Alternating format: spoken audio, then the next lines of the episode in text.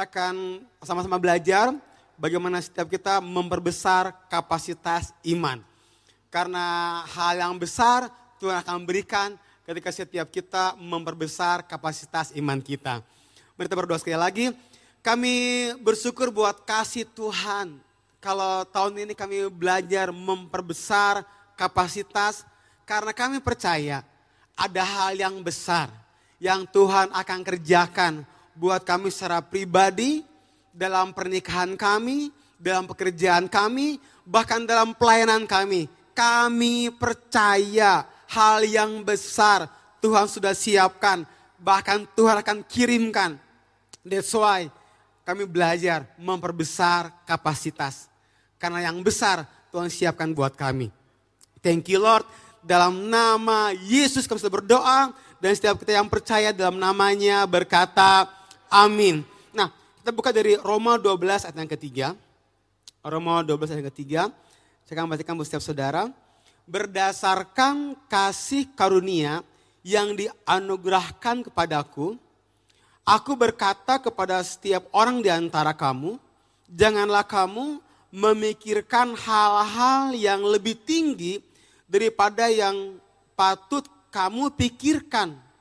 Tetapi hendaklah kamu berpikir begitu rupa sehingga kamu menguasai diri menurut ukuran iman yang dikaruniakan Allah kepada kamu masing-masing. Jadi Tuhan bekerja buat saya dan saudara berdasarkan ukuran iman. Mengapa kita belajar memperbesar kapasitas ukuran iman? Karena saya percaya ada hal yang besar yang Tuhan akan percayakan untuk setiap kita. Itu sebabnya perlu kita memperbesar ukuran iman. Nah, saya mau kasih lihat satu slide buat saudara. Ini uh, slide zona nyaman iman. Boleh dikasih lihat? Uh, slide-nya. Oke, okay, thank you. Nah, uh, mengapa kita nggak memperbesar kapasitas iman? Buat hal yang besar Tuhan percayakan. Karena kadangkala tanpa kita sadar kita nyaman tinggal dalam apa yang namanya zona nyaman iman. Karena kita tinggal dalam zona nyaman iman, jadi kita enggan untuk memperbesar kapasitas iman. Jadi musuh dari stretching your capacity adalah zona nyaman. Nah sama dalam iman pun musuh kita masuk ke level yang kedua dan yang ketiga karena kita tanpa sadar sudah tinggal dalam zona nyaman iman. Waktu saya menikah, gaji saya 1,3 juta. Gaji istri saya 2,7 juta. Saya nggak ngerti apakah ini profetis atau bukan. Tapi sampai sekarang gaji istri saya selalu lebih tinggi dari saya. Saya bersyukur karena itu. Jadi kita punya dua karunia. Istri saya punya karunia mendatangkan berkat, saya punya karunia menghabiskan berkat. Kami tim yang sangat solid. Nah, waktu nikah, gaji kami total digabung 4 juta. Bayar cicilan rumah 2,7 juta. Perpuluhan 400 ribu. Perpuluhan hari itu tahun 2006, saya hanya mampu per minggu 50 ribu. Jadi sebulan 200 ribu. Karena papa mama saya pensiun angkatan darat, jadi saya harus support per minggu juga 50 ribu. Jadi sebulan 200 ribu. Jadi total uang kami hanya tersisa 500 ribu untuk hidup berdua selama sebulan. Udah buat beli gula, beli beras, bayar satpam, bayar listrik, bayar pulsa telepon, buat kita makan hanya 500 ribu. Tentu enggak cukup. Kami waktu itu sering puasa karena kepaksa. Karena uangnya sih nggak sisa 500 ribu. Tapi hari-hari itu hari di mana saya memperbesar kapasitas iman. Saya belum mengerti dulu prinsip iman ini, tapi saya kadang kalau ke motor kayak orang gila. Saya teriak-teriak. Saya berdoa uang datang. Saya berdoa, uang tolong dengan maraton larinya. Yang sprint yang cepat. Tolong kejar saya. Dan hari itu saya ada di masa, muka saya itu kayak muka money magnet. Ke mana pun saya pergi, orang selalu tergerak kasih uang sama saya. Bahkan kadang saya hanya nemenin kanala khotbah ke Australia, ke Manado. Kanala yang khotbah aneh, saya yang dapat persembahan kasihnya. Saya bilang, Pak nggak salah Pak, yang khotbah siapa? Yang dapat PK siapa? Iya tapi nggak apa-apa. Saya tergerak. Waktu ngeliat muka kamu, roh kudus gerakan saya katanya buat kasih. Saya pengen ngaca, apa muka saya itu muka belas kasihan ya. Tapi ke mana pun saya pergi. Nah, why? Karena hari itu saya memperbesar kapasitas iman saya. Saya membayangkan, saya berpikir, bahkan saya memperkatakan uang datang mengejar saya.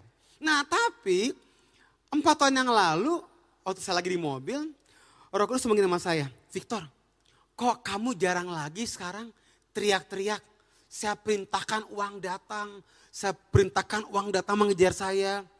Saya bilang sama Roh Kudus, Roh Kudus, saya udah gak perlu lagi. Saya pikir udah cukup sekarang keuangan saya Buat apa lagi saya teriak-teriak kayak orang gila. Uang datang mengejar saya, udah gak perlu. Nah, tanpa saya sadar, saya sedang ada di zona nyaman iman. Saya pikir kehidupan yang sudah saya punya empat tahun yang lalu, itu udah kehidupan yang paling bagus. Padahal Tuhan punya hal yang lebih besar yang Tuhan mau percayakan buat saya ketika saya memperbesar kapasitas iman. Jadi waktu saya bilang ke istri saya, saya roh kudus ngomong gini sama saya. Terus my wife told me, ayo saya, kalau gitu sekarang kita ganti. Minta uangnya 100 juta, 200 juta. Buat apa saya? Buat kita memberkati orang. Oke saya bilang. Jadi empat tahun yang lalu saya ke orang-orang gila lagi. Kalau lagi nyetir, saya teriak, aku berdoa, saya percaya di rekening saya ada 100 juta. Kalau saya cek ATM, ada 100 juta, 200 juta, bahkan 300 juta. Dan betul, dua, tiga tahun belakangan ini, setiap tahun pasti ada dua sampai tiga orang kirim uang sama saya. 100 juta, 200 juta, dan habis dalam semalam. Bukan saya pakai, saya berikan lagi ke orang-orang yang Tuhan taruhkan buat hidup saya. Dan tahun ini saya nggak lagi minta 100 juta. Ada kegelisahan rohani dalam hati saya. Saya nggak mau lagi memberkati orang 5 juta, 10 juta, 50 juta. Saya itu kalau memberkati orang mau yang mukul sekalian. Ini buat DP rumah. Ini nggak banyak, hanya buat beli rumah. Nah, why? Saya mau memperbesar kapasitas iman saya supaya punya zona iman yang besar. Tahun ini saya lagi berdoa sama istri saya satu miliar. Ini udah bulan Juni, belum ada juga. Siapa tahu sudah tergerak, saya terbuka sekali. But why? Saya mau setiap kita memperbesar zona iman. Karena ada hal yang besar yang Tuhan akan percayakan. Katakan amin. Nah, sikap hati kita sangat menentukan sudut pandang kita. Dan sudut pandang kita sangat menentukan attitude kita, sikap kita. Dan sikap kita itu sangat menentukan hasil apa yang akan kita peroleh. Dan saya akan bagian empat dimensi supaya setiap kita memperbesar zona nyaman iman kita keluar sampai kita punya zona iman yang membesar. Yang pertama adalah cara kita berpikir yaitu thinking, the way we think. Nah, satu kali ini hanya ilustrasi, jadi tolong jangan dicarikan kebenarannya. Ada di ekor katak, dia masuk ke dalam sebuah lubang, dan dia berusaha keluar, dan waktu dua ekor katak ini berusaha keluar, orang teriak dari atas, Hei katak, kamu nggak mungkin dapat keluar dari lubang ini.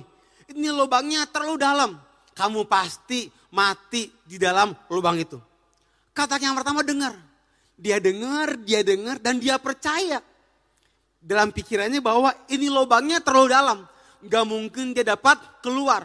Singkat cerita, karena dia berpikir dia gak mampu. Kata yang pertama, mati dengan damai sejahtera dalam lubang tersebut. Nah yang menarik kata yang kedua. Semakin orangnya teriak kamu nggak mampu, lubang yang terlalu dalam, kata ini makin excited. Tiba-tiba ada satu momen kataknya siut dapat keluar dari lubang tersebut. Dan ini menghebohkan dunia perkatakan. Jadi dipanggillah RCTI, Net TV, semua di interview. Ternyata kataknya nggak bisa dengar, alias dia tuli. Jadi pakai bahasa isyarat. Nah dari bahasa isyaratnya, kata ngomong gini, kenapa kamu bisa keluar dari lubang tersebut? Katanya berkata, karena saya berpikir orang yang di atas tadi berkata, kamu mampu, kamu mampu. Ini lubangnya nggak dalam, kamu pasti dapat keluar dari lubang ini. Listen up, if you think you can, you can do it. Kalau kita berpikir mampu, kita pasti mampu mengerjakannya. Dan every day, every day, ada peperangan yang selalu ada di sekitar kita. Iblis, dia selalu berusaha untuk menguasai, memanipulasi, mendominasi pikiran kita. Karena kalau iblis berhasil menguasai, memanipulasi, mendominasi pikiran kita, dia akan menguasai, memanipulasi, mendominasi hidup kita. Karena who you are is what you think. That's why penting sekali menjaga pikiran dengan firman Tuhan. Penting sekali mengisi pikiran dengan firman Tuhan. Penting sekali memperbaharui pikiran dengan firman Tuhan. Mengapa kita perlu di mentor? Mengapa kita perlu ke gereja? Karena waktu kita ke gereja, kita menjaga pikiran, kita mengisi pikiran, bahkan memperbaharui pikiran dengan firman Tuhan. Karena it's not the truth will make you free. Bukan kebenaran firman Tuhan yang akan memerdekakan kita. Tapi seberapa banyak engkau mengenal firman Tuhan, itulah yang akan memerdekakan setiap kita. Who you are is what you eat. Siapa saudara, apa yang saudara masukkan ke dalam pikiran kita. Satu kali saya pulang ke rumah, anak saya tiba-tiba ngomong gini. Saya bilang, Andre, jadi pulang. Apa kabar Bapak? Bapak? Saya gak pernah ngajarin anak saya manggil saya Bapak. Oh mungkin dia lagi belajar bahasa Indonesia yang baik. Saya pikir oke okay lah. Terus saya ke kamar, sorean istri saya pulang. Waktu istri saya pulang, ada yang ngomongin gini. Ibu, kok baru pulang? Saya kaget. Astaga, anak saya sejak kapan dia berbahasa EYD? Ejan yang disempurnakan tahun 72. Saya kaget. Dia ngomongnya ibu, bapak. Ah saya pikir bagus lah. Nah selagi di kamar sama istri saya. Saya lihat anak saya sama mbak saya di rumah nontonnya sinetron. Karena setiap hari anak saya nontonnya sinetron, no wonder. Dia ngeliat saya, selamat pagi bapak. Ngeliatin saya, ibu aku pergi dulu ya. Astaga. Why? Karena siapa saudara tergantung dari apa yang kita masukkan ke dalam pikiran kita. Apakah kita memasukkan firman Tuhan atau hal yang di luar sana yang kita masukkan. Nah, Efesus 3 ayat yang ke-20. Bagi dialah yang dapat melakukan jauh lebih banyak daripada yang kita doakan atau pikirkan. Seperti yang ternyata dari kuasa yang bekerja di dalam kita. Doakan dan pikirkan, dia menggunakan kata atau. Jadi waktu kita berpikir tentang sesuatu, sebenarnya kita sedang mendoakan sesuatu. Waktu engkau sedang berpikir sesuatu, engkau sedang mengharapkan sesuatu. Dan Allah kita berkata, bagi dialah yang dapat melakukan jauh lebih banyak, jauh lebih besar, jauh lebih luas daripada yang dapat kita doakan atau pikirkan.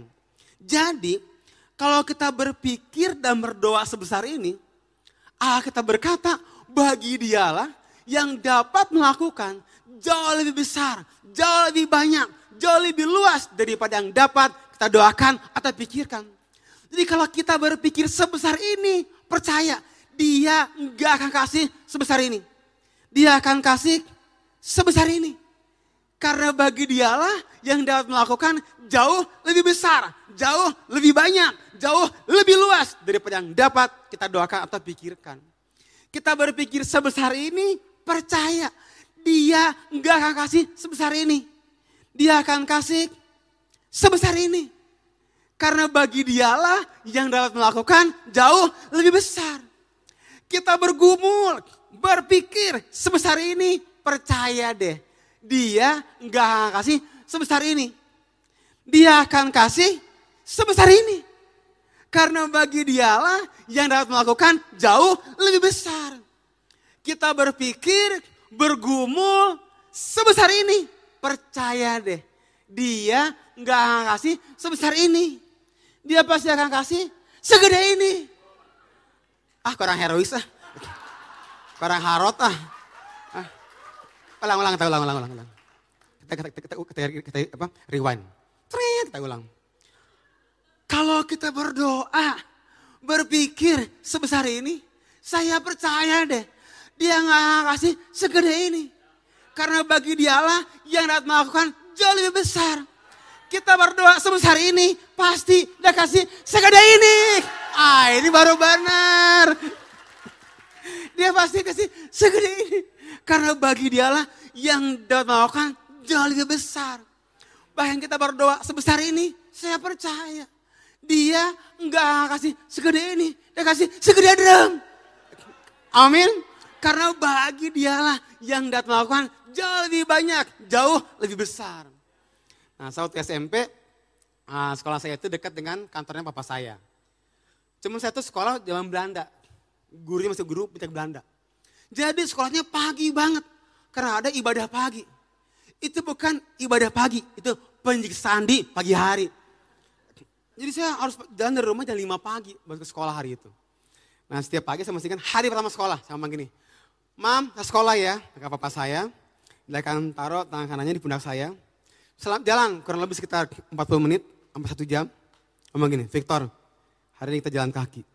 Batu hari nanti kamu pasti punya motor. Satu hari nanti, pasti kamu punya mobil yang pertama, mobil yang kedua. Hari ini rumah kita ngontrak. But satu hari nanti, pasti kamu punya rumah yang pertama, rumah yang kedua. Itu diulang hampir kurang lebih sejam perjalanan. Besoknya, Mam, sekolah ya. Papa saya, dia buat hal yang sama. Terus lagi, tangan kanannya di pundak saya, Victor. Hari ini kita jalan kaki. Suatu hari nanti, kamu pasti punya motor. Kamu pasti punya mobil yang pertama, mobil yang kedua.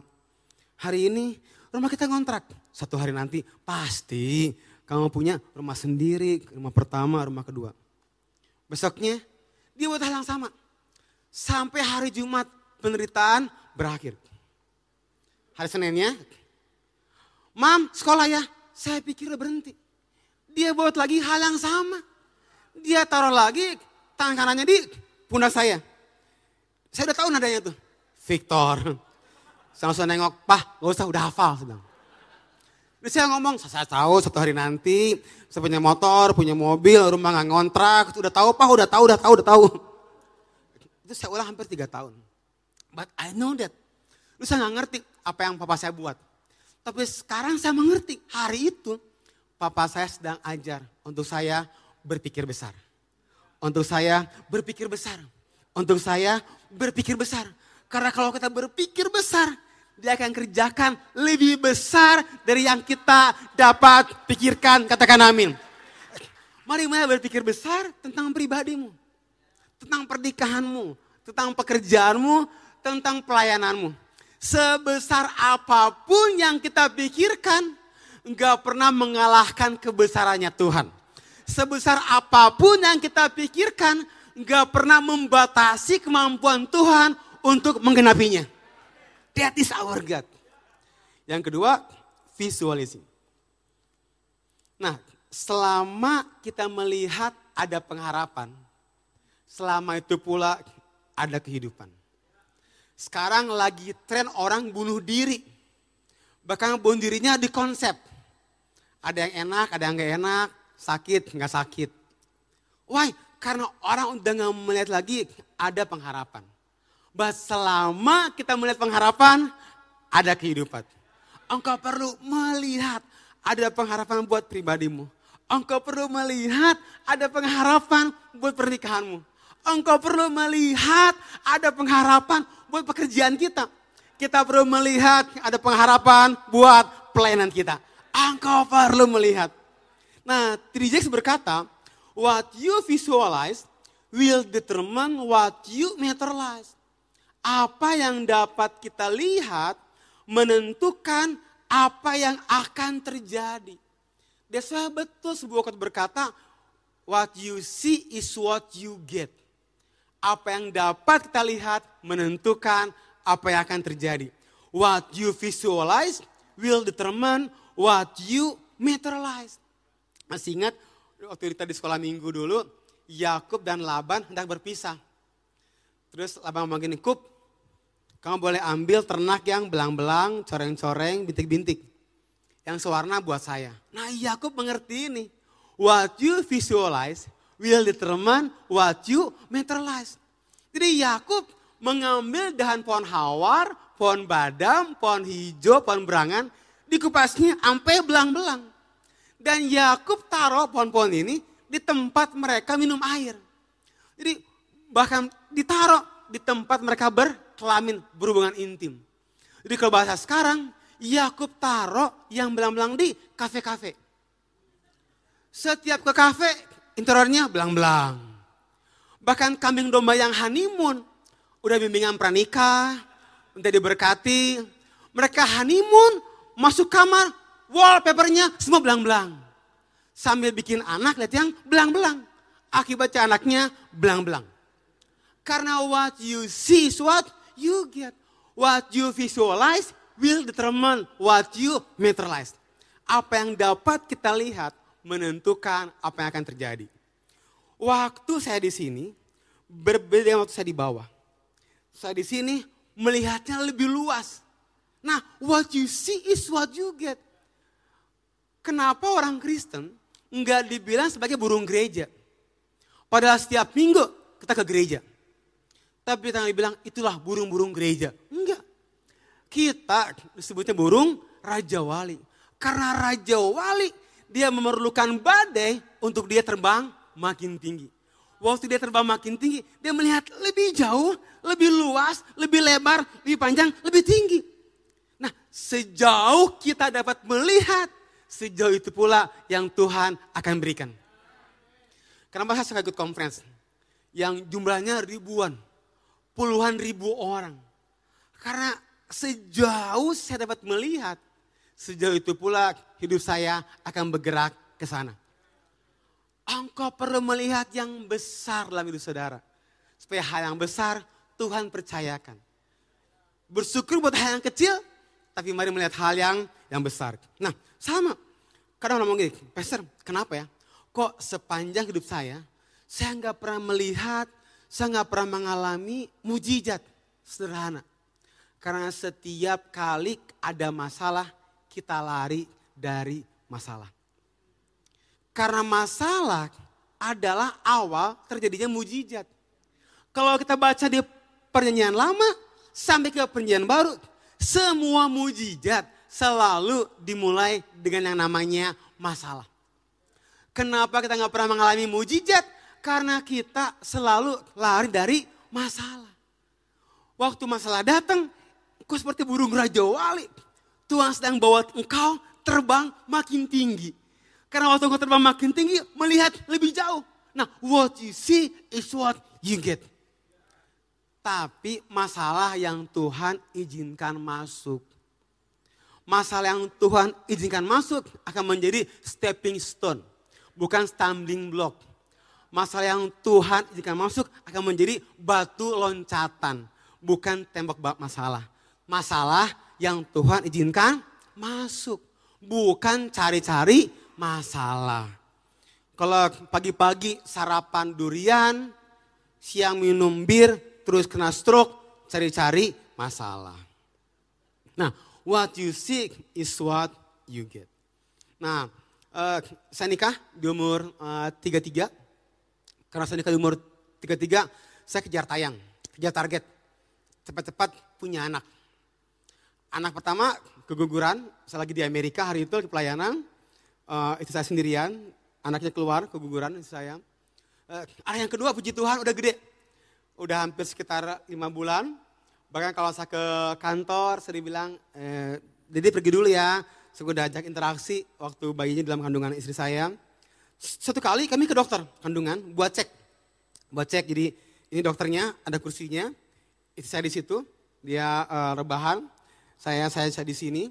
Di atas ada komputer, dia masukin alat ke mulut rahimnya istri saya. Waktu dia duduk masukin alatnya, dia ngomong gini, oh pak, mati pak, mati pak.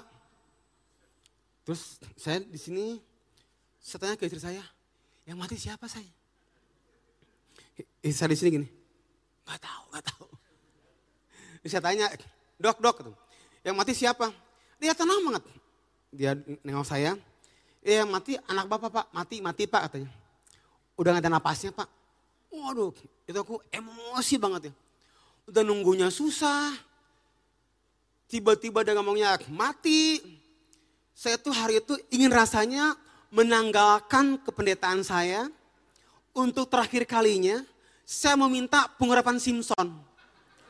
Saya tuh mau angkat meja depan saya, saya mau pulukan tepat di moncongnya. Dia puak balik langsung. Jengkel banget. Mas saya tuh Boya ngomongnya manusiawi ya. Boya dipanggil dulu berdua ke depan. Dia menetap saya. Dia pegang tangan saya. Pak Victor, ambil tisu. Maaf pak, anak bapak. Tidak. Pulang ke rumah bapak, itu kan lebih enak ya. Ini mah masukin, mati pak, mati pak, mati pak. Tapi puji Tuhan, gak lama saya itu istri saya mengandung buat yang ketiga kalinya.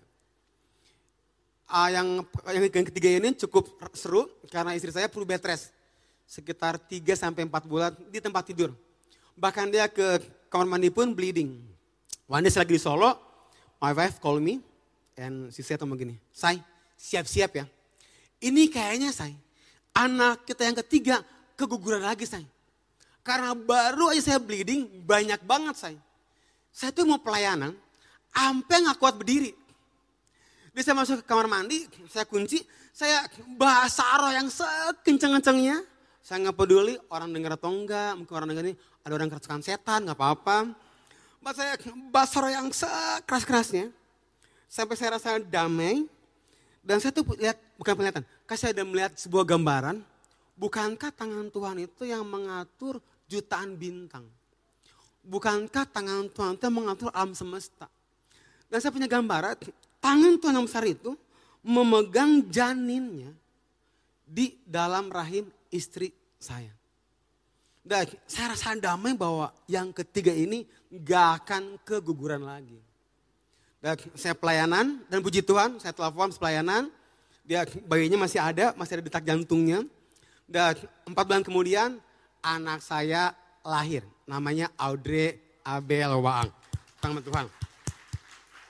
Waktu dia lahir memecahkan rekor di rumah sakit. Paling tinggi, paling berat mengalahkan bayi-bayi yang lain. Waktu ngelihat istri saya, kok kurus begitu, anaknya sehat banget, orang pada kaget. Ini anak hasil dari doa. Karena what you see is what you get. Bahkan tahun lalu, uh, tahun lalu sorry, anak saya jadi worship leader. Dia menyembah uh, Tuhan di depan 730 hanya anak-anak. Boleh tentang Tuhan kita? Oke. Okay. Good. Nah, yang berikutnya adalah speaking. Cara kita berkata-kata. Kalau kita ingin merubah hidup kita, kita perlu mulai merubah perkataan kita. Karena iman itu percaya akan janji Tuhan dan memperkatakan janji Tuhan dalam hidup kita. Karena iman itu percaya akan Tuhan dan memperkatakan apa yang kita percayai untuk apa yang Tuhan akan kerjakan di dalam hidup kita. That is faith. Bahkan untuk mengaktifkan iman, kita perlu mulai memperkatakannya. Amsal berkata bahwa lidah mempunyai kuasa untuk menyelamatkan hidup atau merusaknya. Orang harus menanggung akibat ucapannya. Jadi kata-kata kita menetapkan arah hidup kita. Jadi buat kita orang Kristen, nggak cukup hanya menghindari perkataan negatif. Tapi kita harus mulai memperkatakan hal yang besar. Kalau kita menghindari perkataan negatif, itu kayak main bola namanya defense. Cuma kita nggak hanya menghindari perkataan negatif, kita mulai memperkatakan hal yang besar. Itu namanya offense. Kita nggak hanya bertahan, tapi menyerang. Karena kata-kata kita menetapkan arah hidup kita. Karena sounds comes before sight.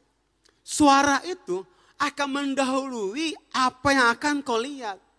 Waktu di Markus 4 ayat yang ke-35 sampai ke-41, angin ribut diredakan.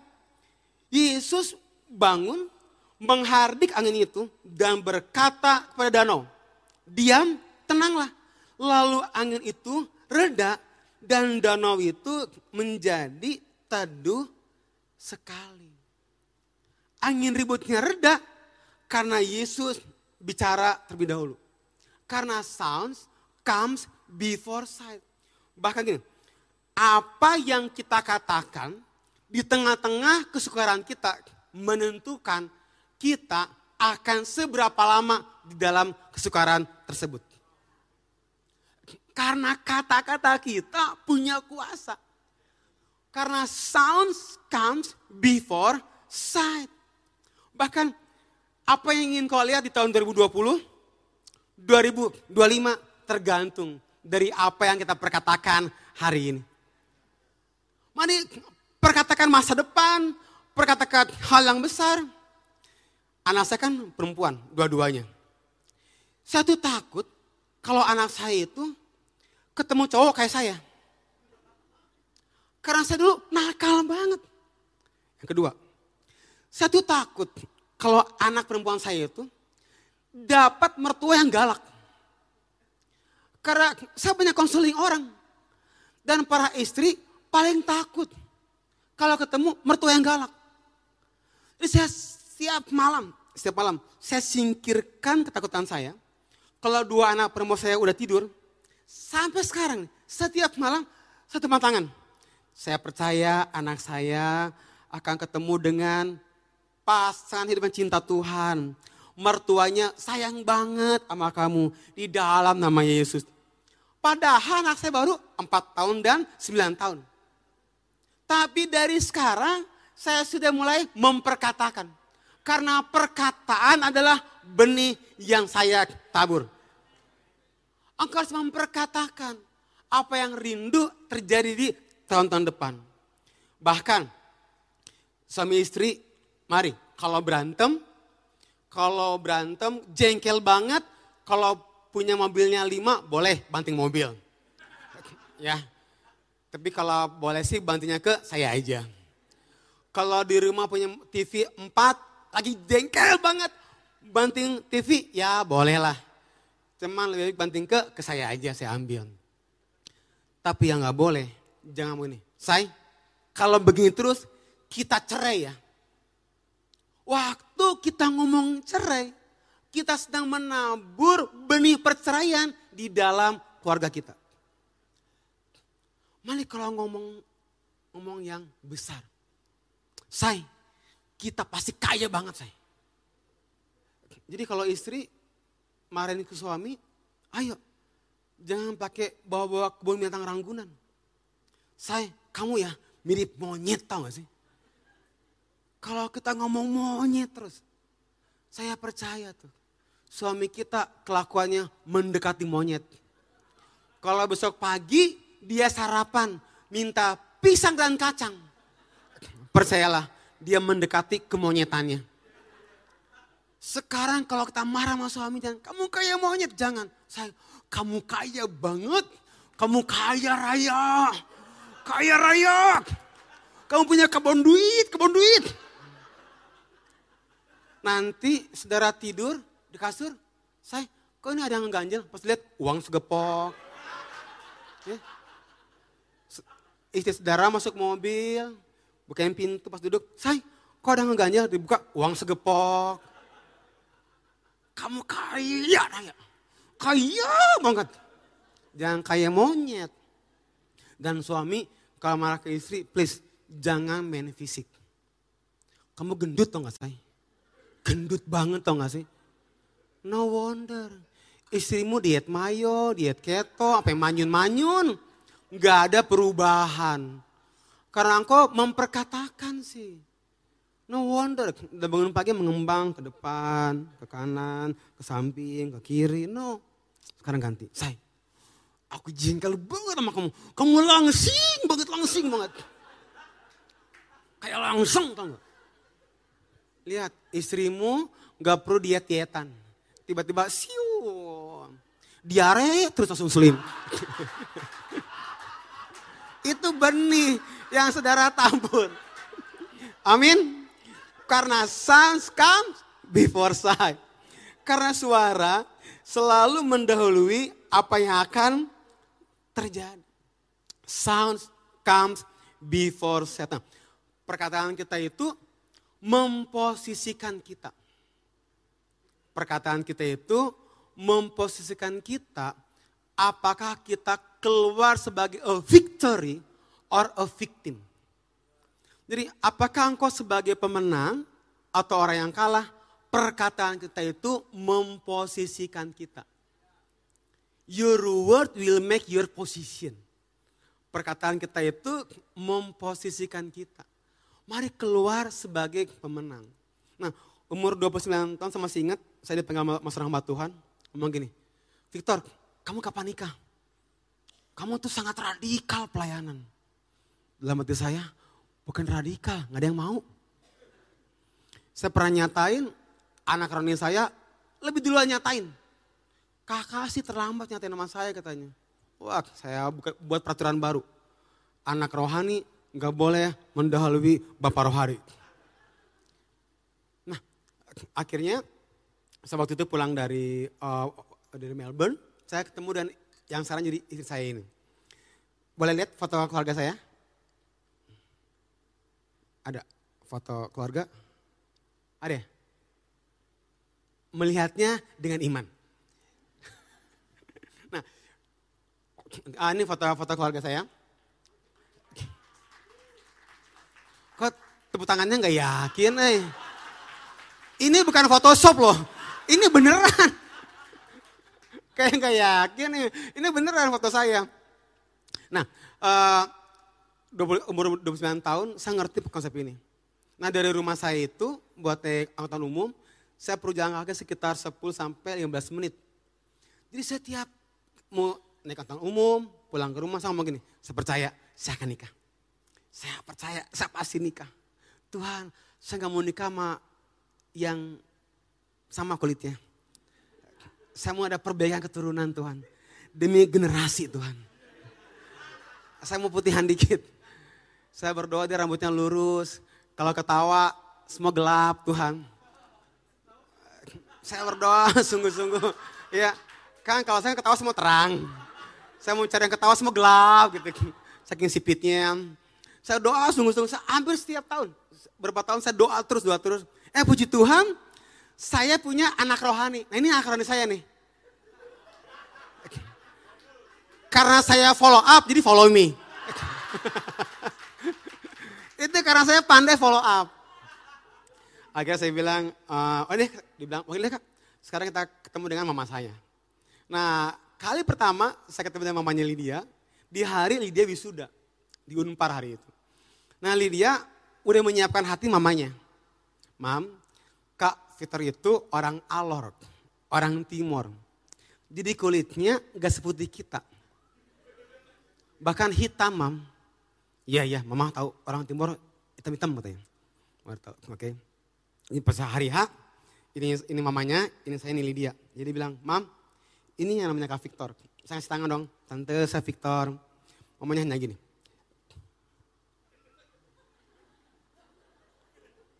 Oh mungkin kurang bungkuk. Tante saya Victor. Dan lagi nih. Oh mungkin kurang bersujud. Tante saya Victor. Dia hanya gini. Tanpa satu patah kata pun. Dia balik badan. Aku di sini.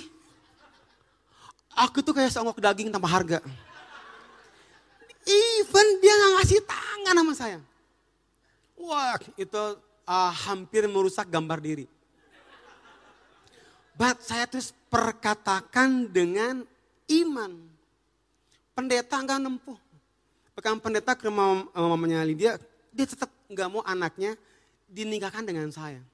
Sampai roh kudus bicara pribadi sama mamanya Lydia untuk merelakan. Berpasrah sama Tuhan. untuk anaknya nikah sama saya. Nah saya ngerti, karena mama saya takut lihat saya. Bahkan serem. Karena ternyata di Makassar, saya baru tahu, di Makassar itu, orang dari kampung saya itu kebanyakan jadi pembantu rumah tangga. Jadi saya ngerti hati mamanya Lydia. Kalau dia terima saya, orang nanti bingung. Ini suaminya atau pembantunya? Karena hampir sama. Dan kali pertama saya ke Makassar, betul. Saya udah bawa koper, saya buka garasi karena rumahnya ruko. Pas saya buka pintu, benar. Pembantunya mukanya mirip saya. Orang dari alor juga. Saya udah mau buka, saya bawa, ini kan lama dua minggu tuh. Saya bawa koper gede, saya bawa koper, dia gini. Mungkin dia pikir, ah ini pembantu baru telah tiba. Mamanya dia udah baca situasi, langsung teriak dari atas. Eh, itu bukan pembantu baru. Itu suaminya Lydia. Kamu angkat kopernya ke atas. Sekarang saya gantian, saya gini. Kulit boleh sama, nasib beda. Karena kuasa perkataan. Why? Karena sounds come before sight. Terakhir, believing. Nah, kita perlu membangun kepercayaan kita sama Tuhan. Mengapa? Karena dalam hidup nggak semua peristiwa yang Tuhan izinkan masuk dapat kita mengerti. Tapi even Tuhan nggak dapat dimengerti, Tuhan itu dapat dipercaya. Kenapa kita perlu membangun kepercayaan kita day by day? Karena dalam hidup Enggak semua pertanyaan ada jawaban.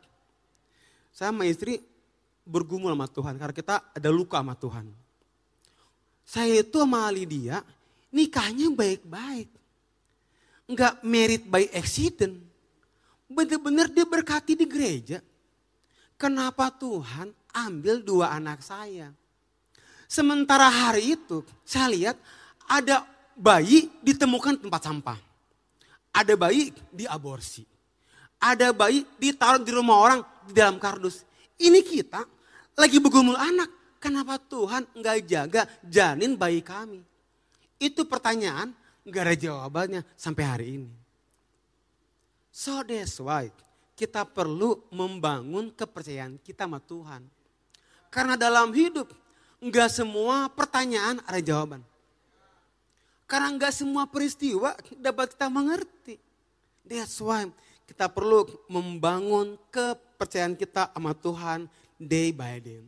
Mengapa perlu membangun kepercayaan?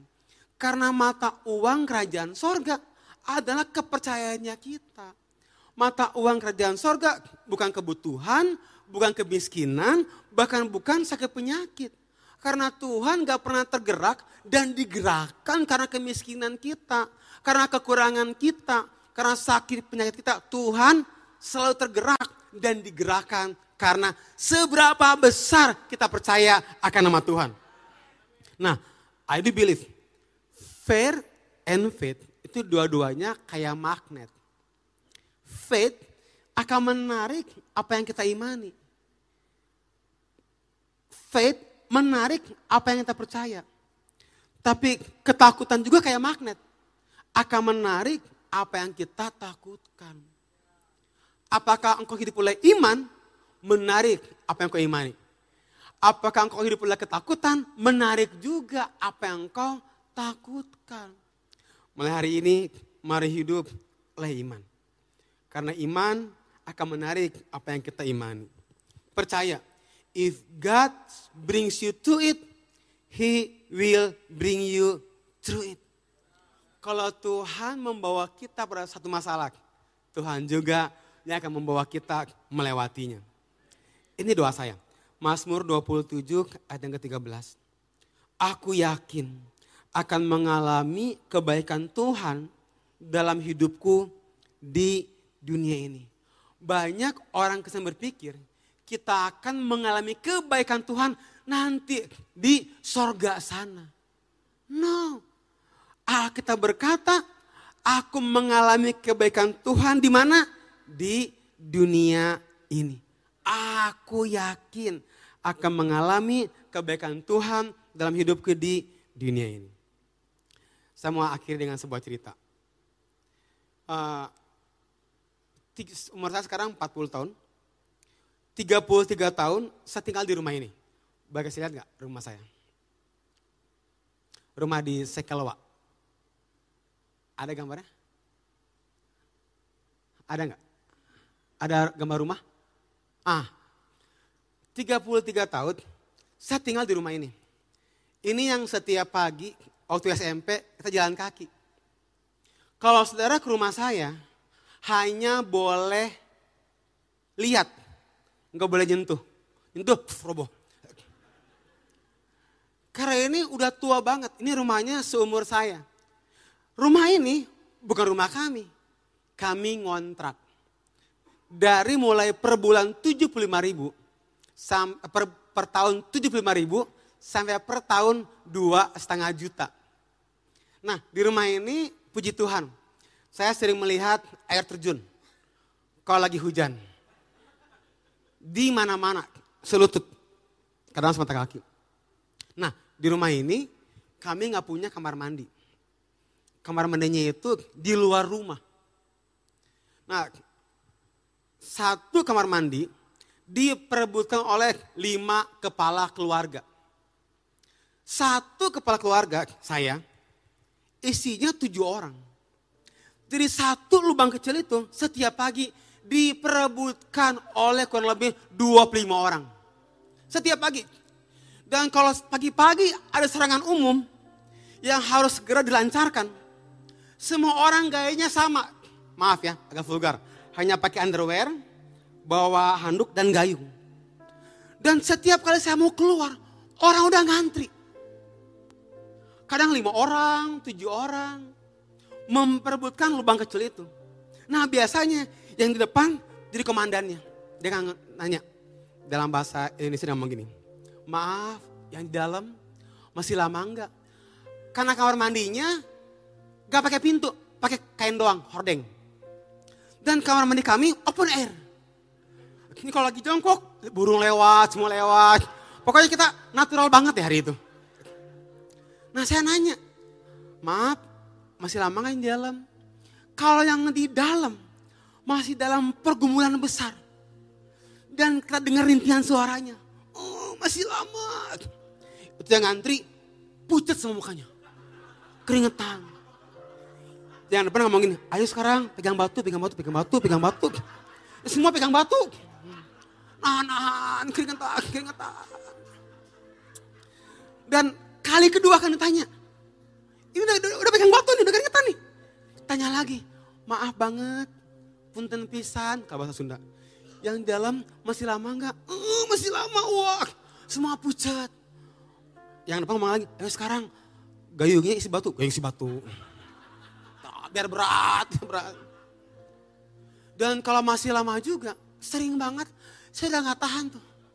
Saya lempar gayungnya, saya lempar batunya, saya lana. Karena di belakang rumah saya ini ada sungai.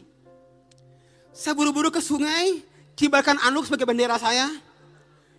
Jongkok, peperangan, nih peperangan dimulai. Dan kadang lagi jongkok, hina banget saya. Kambing lewat, domba lewat, Kadang dombanya centil-centil, ngelirik, uh sebal tuh. Tapi kalau domba lewat gak ada masalah. gerombolan bebek lewat. Dipotong dulu dikit, cepat, cepat, cepat. Ah. Nah, itu selama 33 tahun. Tiga per empat hidup saya, nah saya tinggal di sini. Di, di rumah ini. But 2006, tadi saya bilang, Tuhan percayakan satu rumah. Ini, ini rumah saya, tahun 2006. Ada gambar berikutnya boleh? Nah, ini rumah saya tahun 2006. Waktu saya ke rumah ini, saya komplain, saya tegur developernya. Masa ada kamar mandi di dalam rumah? Kan jorok banget ya. Di saya datengin kantor developernya. Saya tegur, Bapak bangun rumah pakai otak dong Pak. Masa Bapak taruh kamar mandinya di dalam rumah jorok banget Pak. Saya bilang. Developernya bengong aja dari saya. Jadi Bapak mau gimana? Pindahkan kamar mandi saya ke belakang. Jadi hanya di rumah saya kamar mandinya di belakang. Karena 33 tahun saya tinggal, kamar mandinya di luar. Buat saya jorok banget ya gak sih? Masa kamar mandi dalam rumah? Ih jorok banget. Nah itu tahun 2006. But saya nggak tinggal dalam zona nyaman iman saya. Saya terus berpikir besar, melihat besar, memperkatakan hal yang besar, percaya hal yang besar. Tiga tahun lalu saya pindah rumah. Ini rumah saya yang sekarang. Tamat Tuhan kita. Di rumah ini saya punya empat kamar mandi. Bahkan sekarang di kamar tidur saya ada kamar mandi. Saya mau BAB kapan aja bisa. Mau gaya salto, jongkok, tiduran, bisa. Enggak perlu ngantri lagi. Ada empat kamar mandinya. Sampai bingung mau di mana ya sekarang, di mana ya, di mana ya, di mana ya, di mana ya. Jadi udah itu udah di mana ya. Why, why, why? Why, why? Simple. Yang bisa ngomong gini, kalau kita ikut Tuhan, hidup kita pasti nggak pernah sama. Mari, buat setiap pribadi kita, pernikahan, pekerjaan, pelayanan. Jangan membatasi Tuhan. Karena Tuhan nggak punya batasan. Iman tidak membatasi Tuhan. Dan Tuhan tidak membatasi iman. Karena seberapa besar iman yang kita perbesar, nggak pernah melampaui kemampuan Tuhan untuk menggenapi iman kita dalam Tuhan. Katakan amin. So, do not limit your God. Because God has no limit. Tuhan memberkati.